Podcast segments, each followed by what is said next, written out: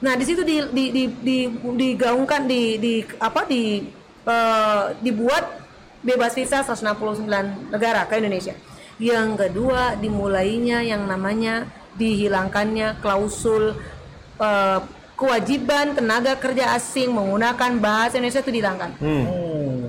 Jadi ada Undang-Undang Nomor 13 Tahun 2003 dan juga turunannya peraturan Menteri Tenaga Kerja itu bahwasannya tenaga kerja asing yang datang bekerja di Indonesia itu wajib menggunakan Indonesia itu dihilangkan. Hmm. Bagaimana mungkin mereka mengetahui peraturan hukum di Tanpa negeri ini, bahasa Indonesia. budaya Indonesia ini tanpa mengenal atau mengetahui bahasa Indonesia. Karena bahasa itu pintu masuk untuk segalanya. Betul. Itu dihilangin loh.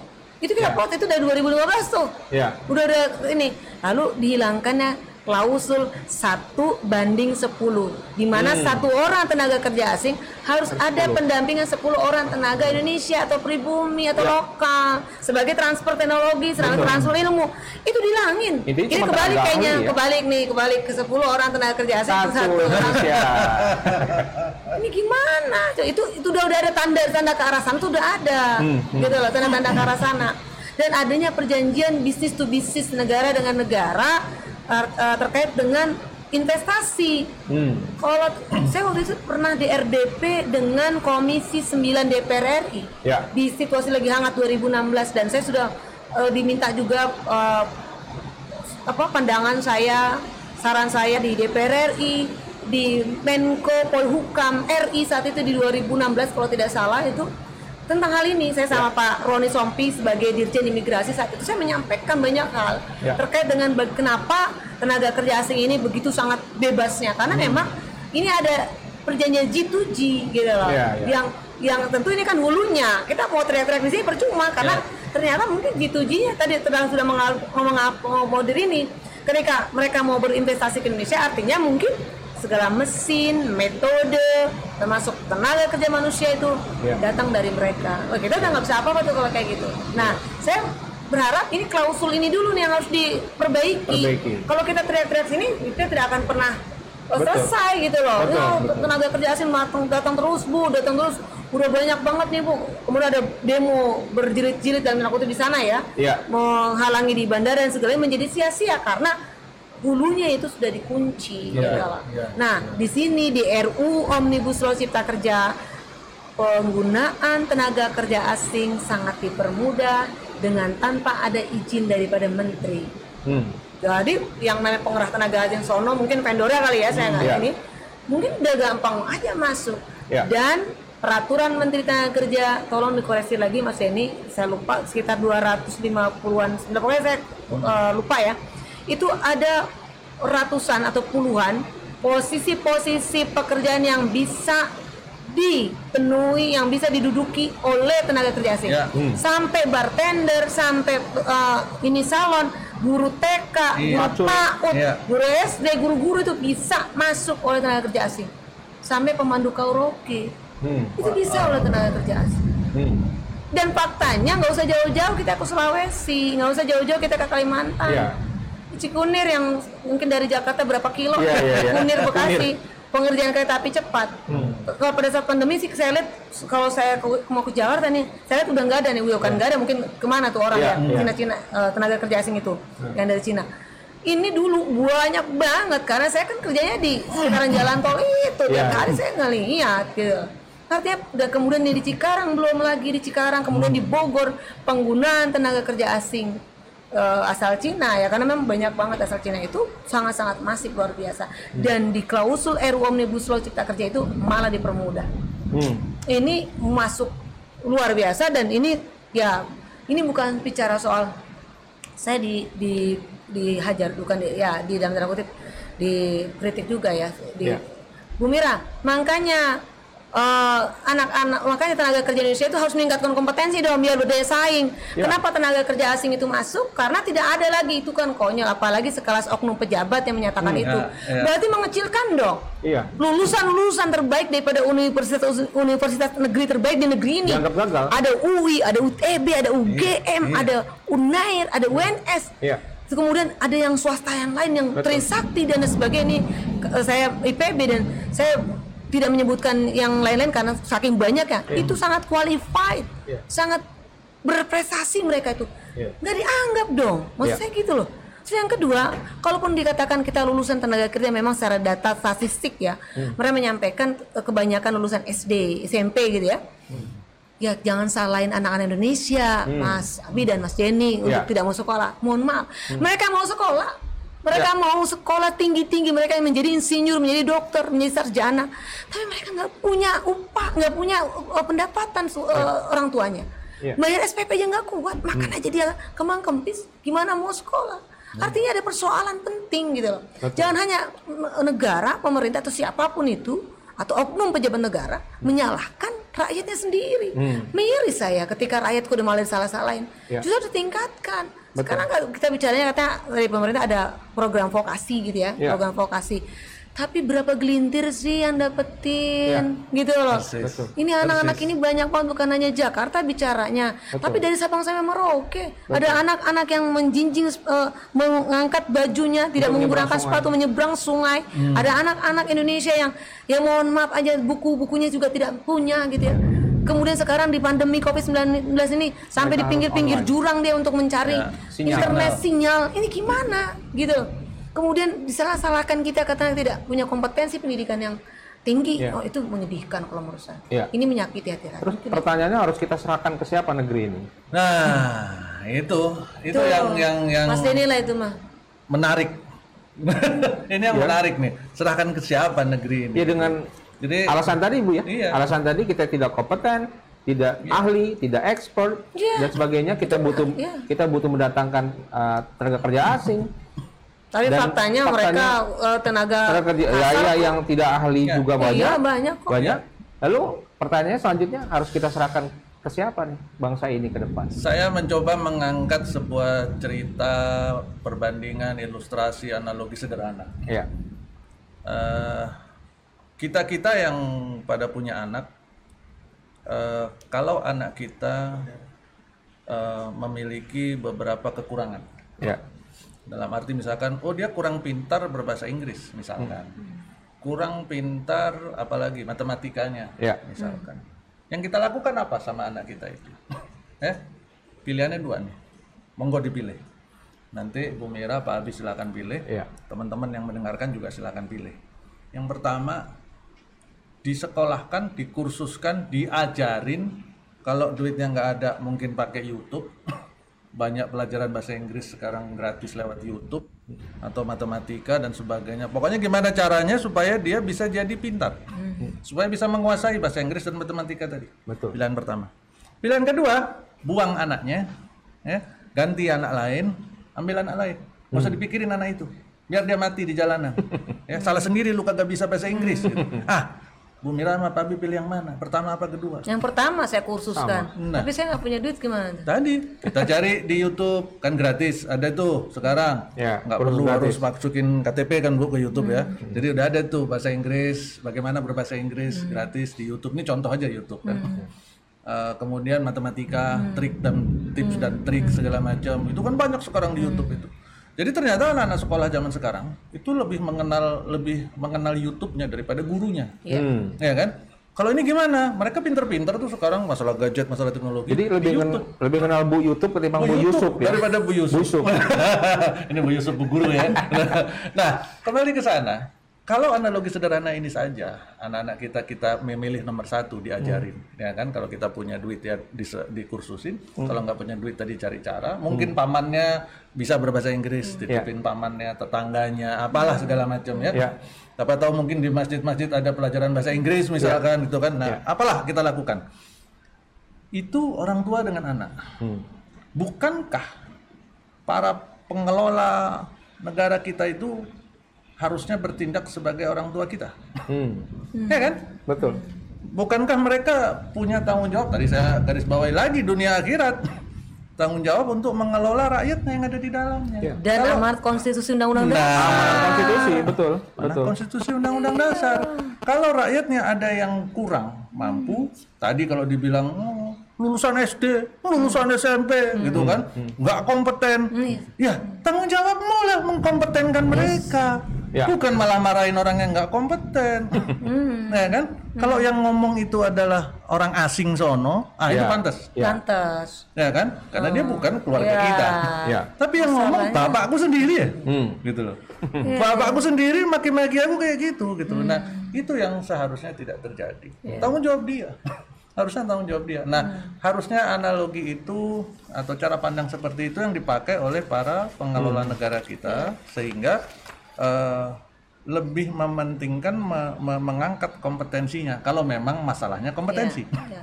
ya kan? Tapi kalau saya lihat Sebenarnya apa yang sekarang sedang terjadi kalau kita ngomong investasi, pembangunan dan sebagainya membutuhkan tenaga kerja asing dan bisa enggak misalkan? Eh, pertanyaan saya, apa sih yang berbeda dengan pembangunan hari ini dengan pembangunan Dulu. pada saat tenaga kerja asing masih dibatasi? Ada nggak yang berbeda? Hmm. Hmm, lebih banyak jalan tol di atas sih. Sama, sama bangunan, sama-sama konstruksi. Ya. Apakah Ah, lulusan-lulusan ada tol, teknik sipil ada tol laut juga, tol laut juga. Ah, ya. itu oke kita punya PT PAL Hmm. eh kan Iya, iya, iya. punya galangan Jadi ada ya, berarti galangan, ada ya. galangan kapal hebat Ada jawabannya ya. Iya kan Eh, kalau tadi pembangunan jalan tol dan sebagainya gedung-gedung apa bedanya gedung dan jalan tol hari ini dengan jalan tol atau gedung zaman dulu Hmm. sama-sama gedung bedanya mungkin di arsitekturnya Ya. ya kan? Atau kelengkapannya. Iya, tetapi bukankah semua itu sudah dipelajari dalam Iya. kampus yang tadi ibu Kampus, sebutkan? ya, ya, yang lulusannya jago-jago. Jago-jago. ya kan? bahkan eh, salah satu dari lulusan apa namanya eh, warga eh, dari warga negara Indonesia yang menjadi diakui menjadi se- salah satu dari orang terpandai di dunia Ya. Hmm, hmm, hmm, hmm. Pak Habibie Iya, ya kan Betul. itu orang Indonesia loh orang Ya. Indonesia. Dan ya tercatat Pak Habibie itu rekor eh, apa namanya IQ lima orang terbe- tertinggi IQ-nya di Asia.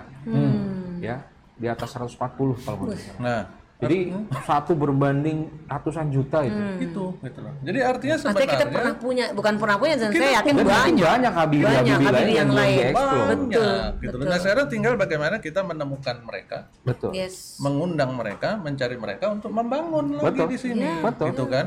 Bukankah lebih penting kita mengundang mereka Yes. Betul. daripada mengundang orang lain? Orang lain. Kita Darah cinta tanah airnya itu ada Lah. pastinya ya. Sekali lagi kita merdeka. Merdeka. ya. Jadi, begitu Pak Abi. Baik. eh, satu lagi kita bahas sebelum kita bahas juga kan hari ini kan RUU eh, Omnibus Law, Omnibus Law eh, Cipta Kerja antara harapan dan pertentangan. Kita memang sedang bahas pertentangannya nih. Tetap kita nanti akan bahas harapannya. Ya, mudah-mudahan harapan itu menjadi kenyataan. Tapi satu lagi klausul yang saya mau lempar nih di forum ini ke Ibu Mirah dulu terkait cuti Bu. Kita belum ngo- ngobrol tadi masalah cuti ya. Cuti eh, yang diatur di sini dan di rancangan ini istirahat mingguan ya. Saya baca di sini aturan lima hari kerja itu dihapus. Satu ya. Yang kedua, cuti menjalankan ibadah keagamaan ya. Misalnya kalau cuti haji bagi orang yang ibadah haji. Nah, ini gimana nasibnya nih Bu dengan adanya RUU ini? Perlu penjelasan nih Bu kita Bu. Ibu akan sangat nangis lagi kayaknya. Makanya tadi dari awal saya bilang kalau sudah pakai hulu nih hulu. Hulu. Yang, yang paling pertama adalah terkait dengan eh, perubahan pemberian upah persatuan hasil, persatuan waktu. Hmm. Ke bawah itu. semua tuh ya? Itu ke bawah semua. Ya.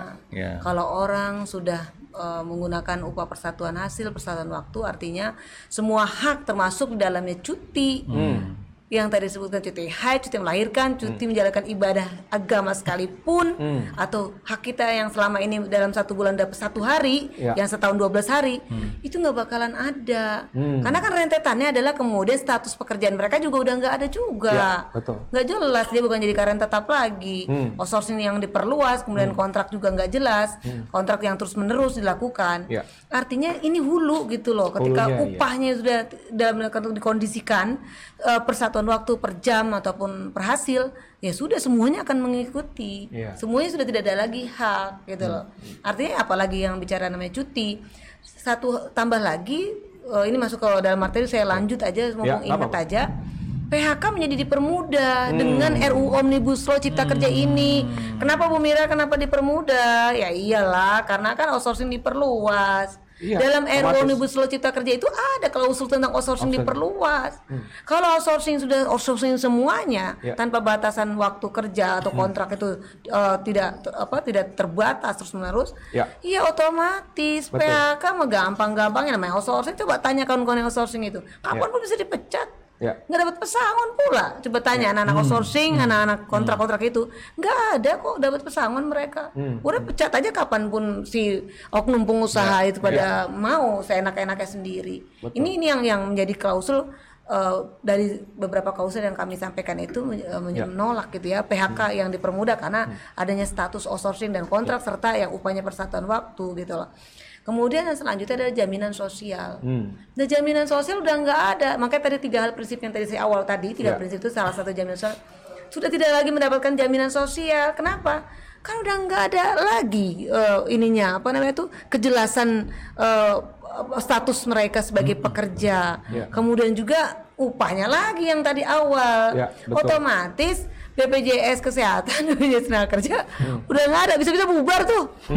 Ini ini mau ke mana nih? Betul. Selama ini BPJS kesehatan, BPJS tenaga kerja ini kan amanat konstitusi Undang-Undang Dasar 45 juga. Betul. Dan eh, BPJS Naker kan eh, uangnya juga kan banyak banget nih. Kan ujung-ujung pemerintah juga butuh juga duit BPJS Naker untuk pembangunan bangsa. lah kalau dibubarin gimana ini gitu loh maksud saya. Artinya ini ini ini terus berkaitan, nggak bisa kita separuh-separuh. Betul. Nggak bisa kita Turunannya ke situ ya. Oh iya, ini upah udah ambruk semua gitu loh. Ya. Ya. Ini upahnya per jam. Mau ngomong apa kalau kita per jam? Udah nggak ada. Saya kerja di perusahaannya Pak Denny Mas Denny. Iya. Bu Mira, ibu kerjanya cuma dua jam aja tempat saya. Emang ada keterikatan waktu cuma dua jam. Seperti hanya kayak pekerja-pekerja eh, asisten rumah tangga yang pada saat mau lebaran namanya infal infal. iya, iya. Itu itu kan seperti itu. Iya. Pada saat kita mau pada ribut kagak ada pekerja asisten rumah tangga Iya. itu kita manggil. Kan orang-orang itu paling kan berapa jam hari itu doang. Nggak ada lagi yang namanya kita hubungan kerja yang tetap di situ. Coba kerjain dua jam aja di sini ya. Cuci piring dan segala macam. Selesai. Setelah itu udah nggak ada hubungan Iya. itu akan ke arah sana gitu loh Iya. kalau menurut saya ini kasarnya nih kalau menurut saya kalau kita bicara tentang tadi upah persatuan semua yang namanya cuti emang dia udah cuti kan enggak Iya. karena kan cuma dua jam pak bu Iya. ibu kerjanya di sini cuma dua jam ibu mau niur di BPJS apa orang cuma dua jam.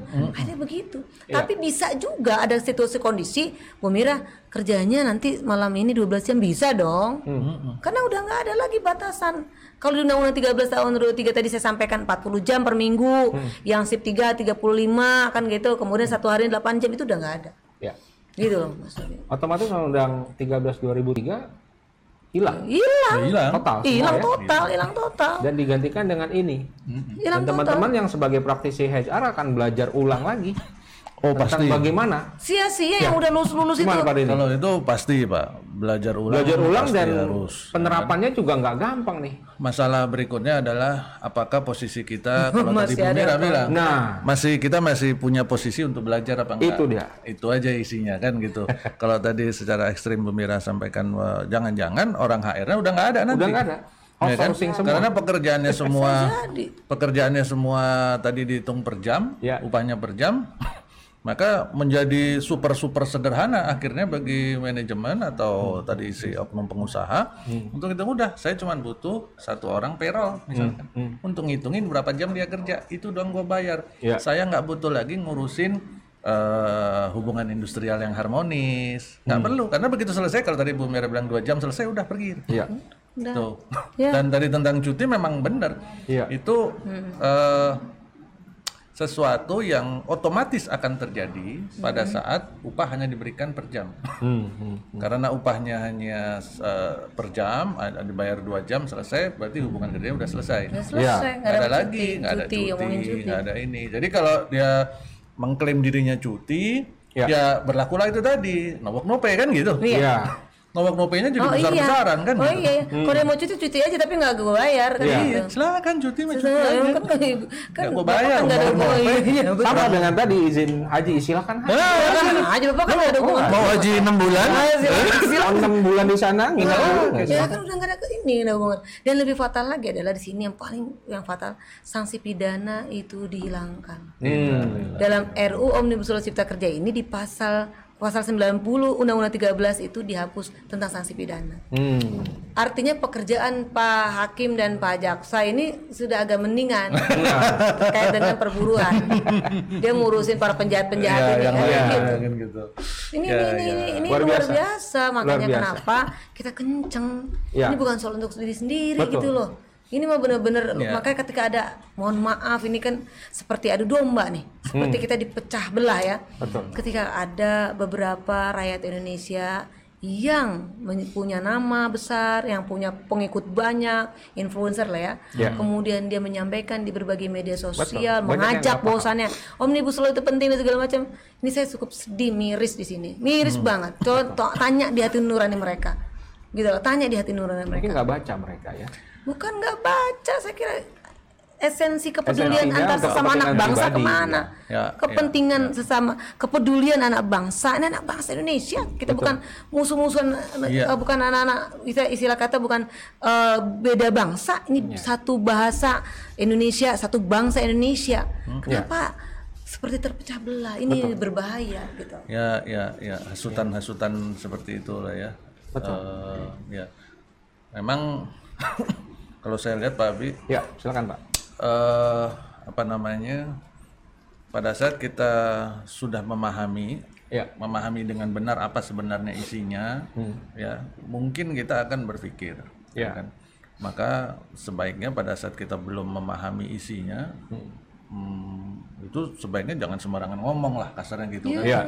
Jangan sembarangan ngomong gitu loh. Eh, dan ini mungkin apa saran atau pesan ini kita sampaikan kepada mereka-mereka tadi ya, Iya, Yang mengkampanyekan itu. yang mengkampanyekan sesuatu tanpa memahami isinya. iya, isinya. iya, iya. Ya kan? Nah kalau uh, kegiatan kita hari ini kan mendatangkan yang memang paham Iya. pelakunya di lapangan yang sedang memperjuangkan Dan kita berdasarkan fakta data yang Iya, ada iya, di media resmi ya. Dan saya juga bicaranya bukan karena saya bisa-bisa, saya memang sudah membaca itu dan Betul. poin-poinnya. Betul. Kami sudah punya konsep itu dan kami sudah sampaikan kepada DPR RI Betul. dan pemerintah. Betul. Sudah ada klausul setebel gini Dan nih. sudah melalui tadi pertanyaan saya awal melalui proses ber- berapa lama tadi kan Ibu sudah jawab kan. Ya, gitu. Sudah Jadi disuarakan.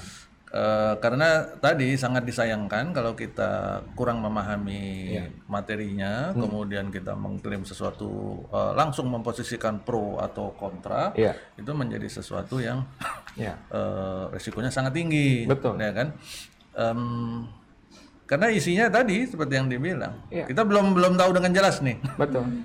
nggak tahu apa ini, pokoknya oke dah ini. Ya. Hmm. Dan dan dan apabila para pengikutnya, kalau bahasa kerennya sekarang follower ya, Follower, follower. followernya itu apa terpengaruh, Hmm.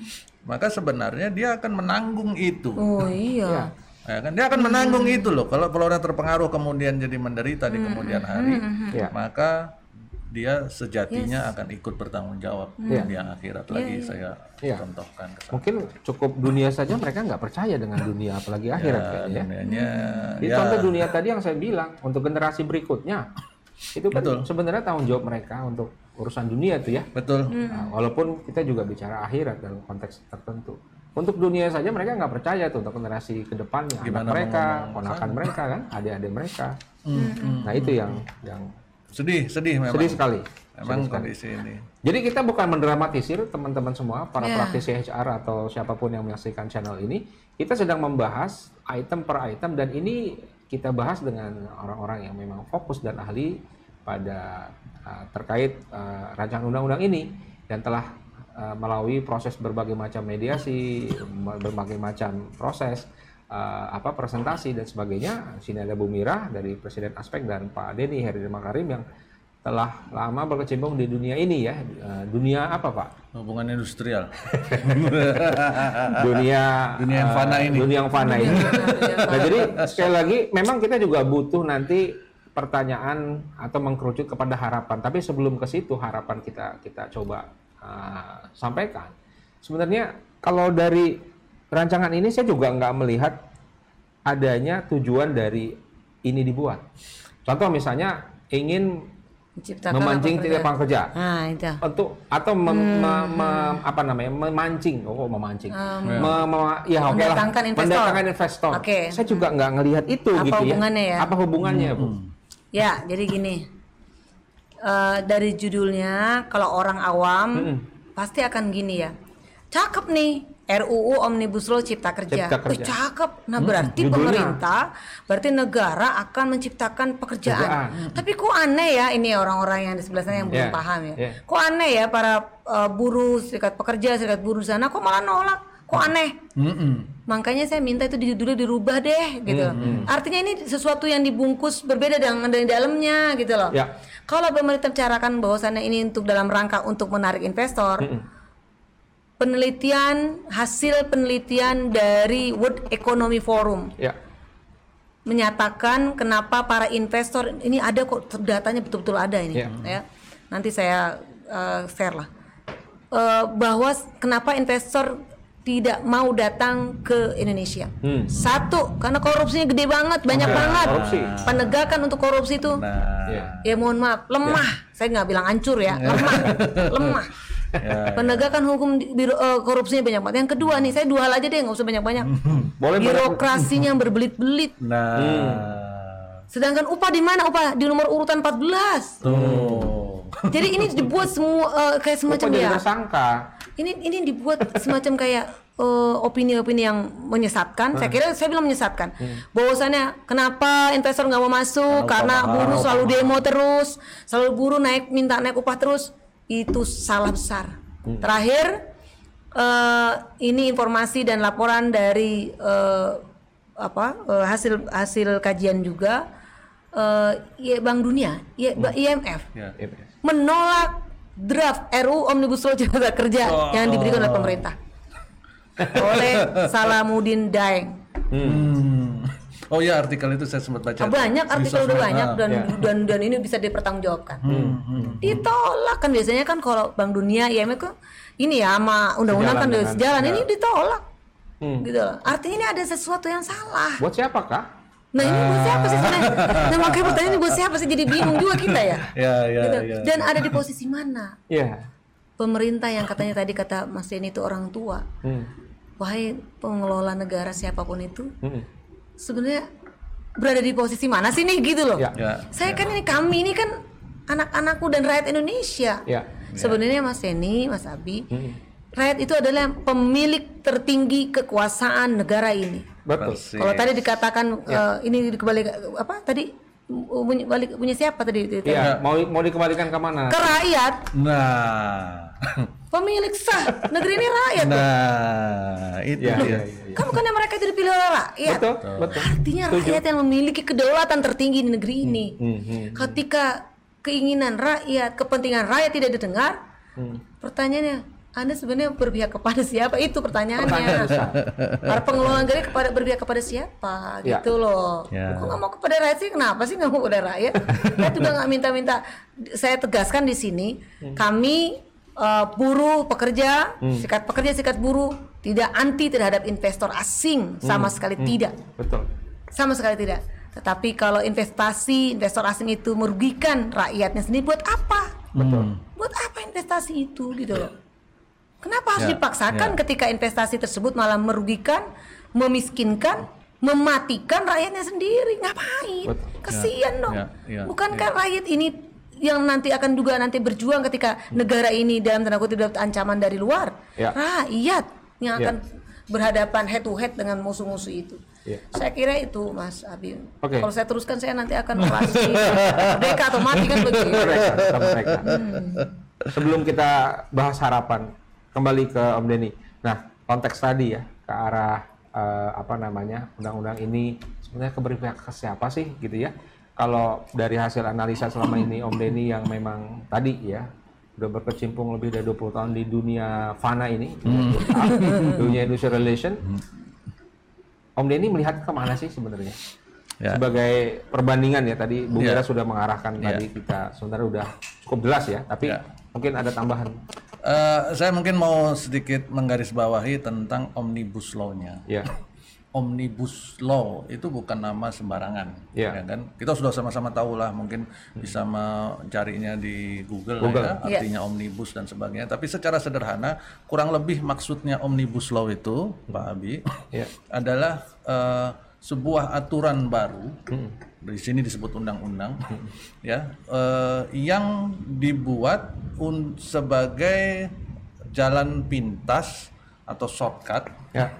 untuk menjembatani begitu banyak aturan atau undang-undang yang ada sekarang Iya. untuk sebuah kepentingan tertentu. Betul. Kurang lebih begitulah ya. Uh, bahasa jelasnya silakan nanti lihat sendiri di Google lah. Ya. Di Mbah Google itu silakan.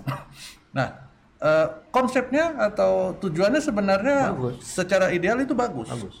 Karena omnibus ini mungkin didasari dengan fakta bahwa kenapa kok kondisi uh, untuk meningkatkan kondisi perekonomian, Ya. kemudian salah satunya kenapa uh, apa namanya investasi kok berkurang atau uh, meningkatnya melambat. Ya, bukan- percepatan ya, uh, mungkin, percepatan. ya, mungkin bukan Pertumbuhannya berkurang tapi lambat. pertumbuhannya Pertumbuhannya lambat, ya kan.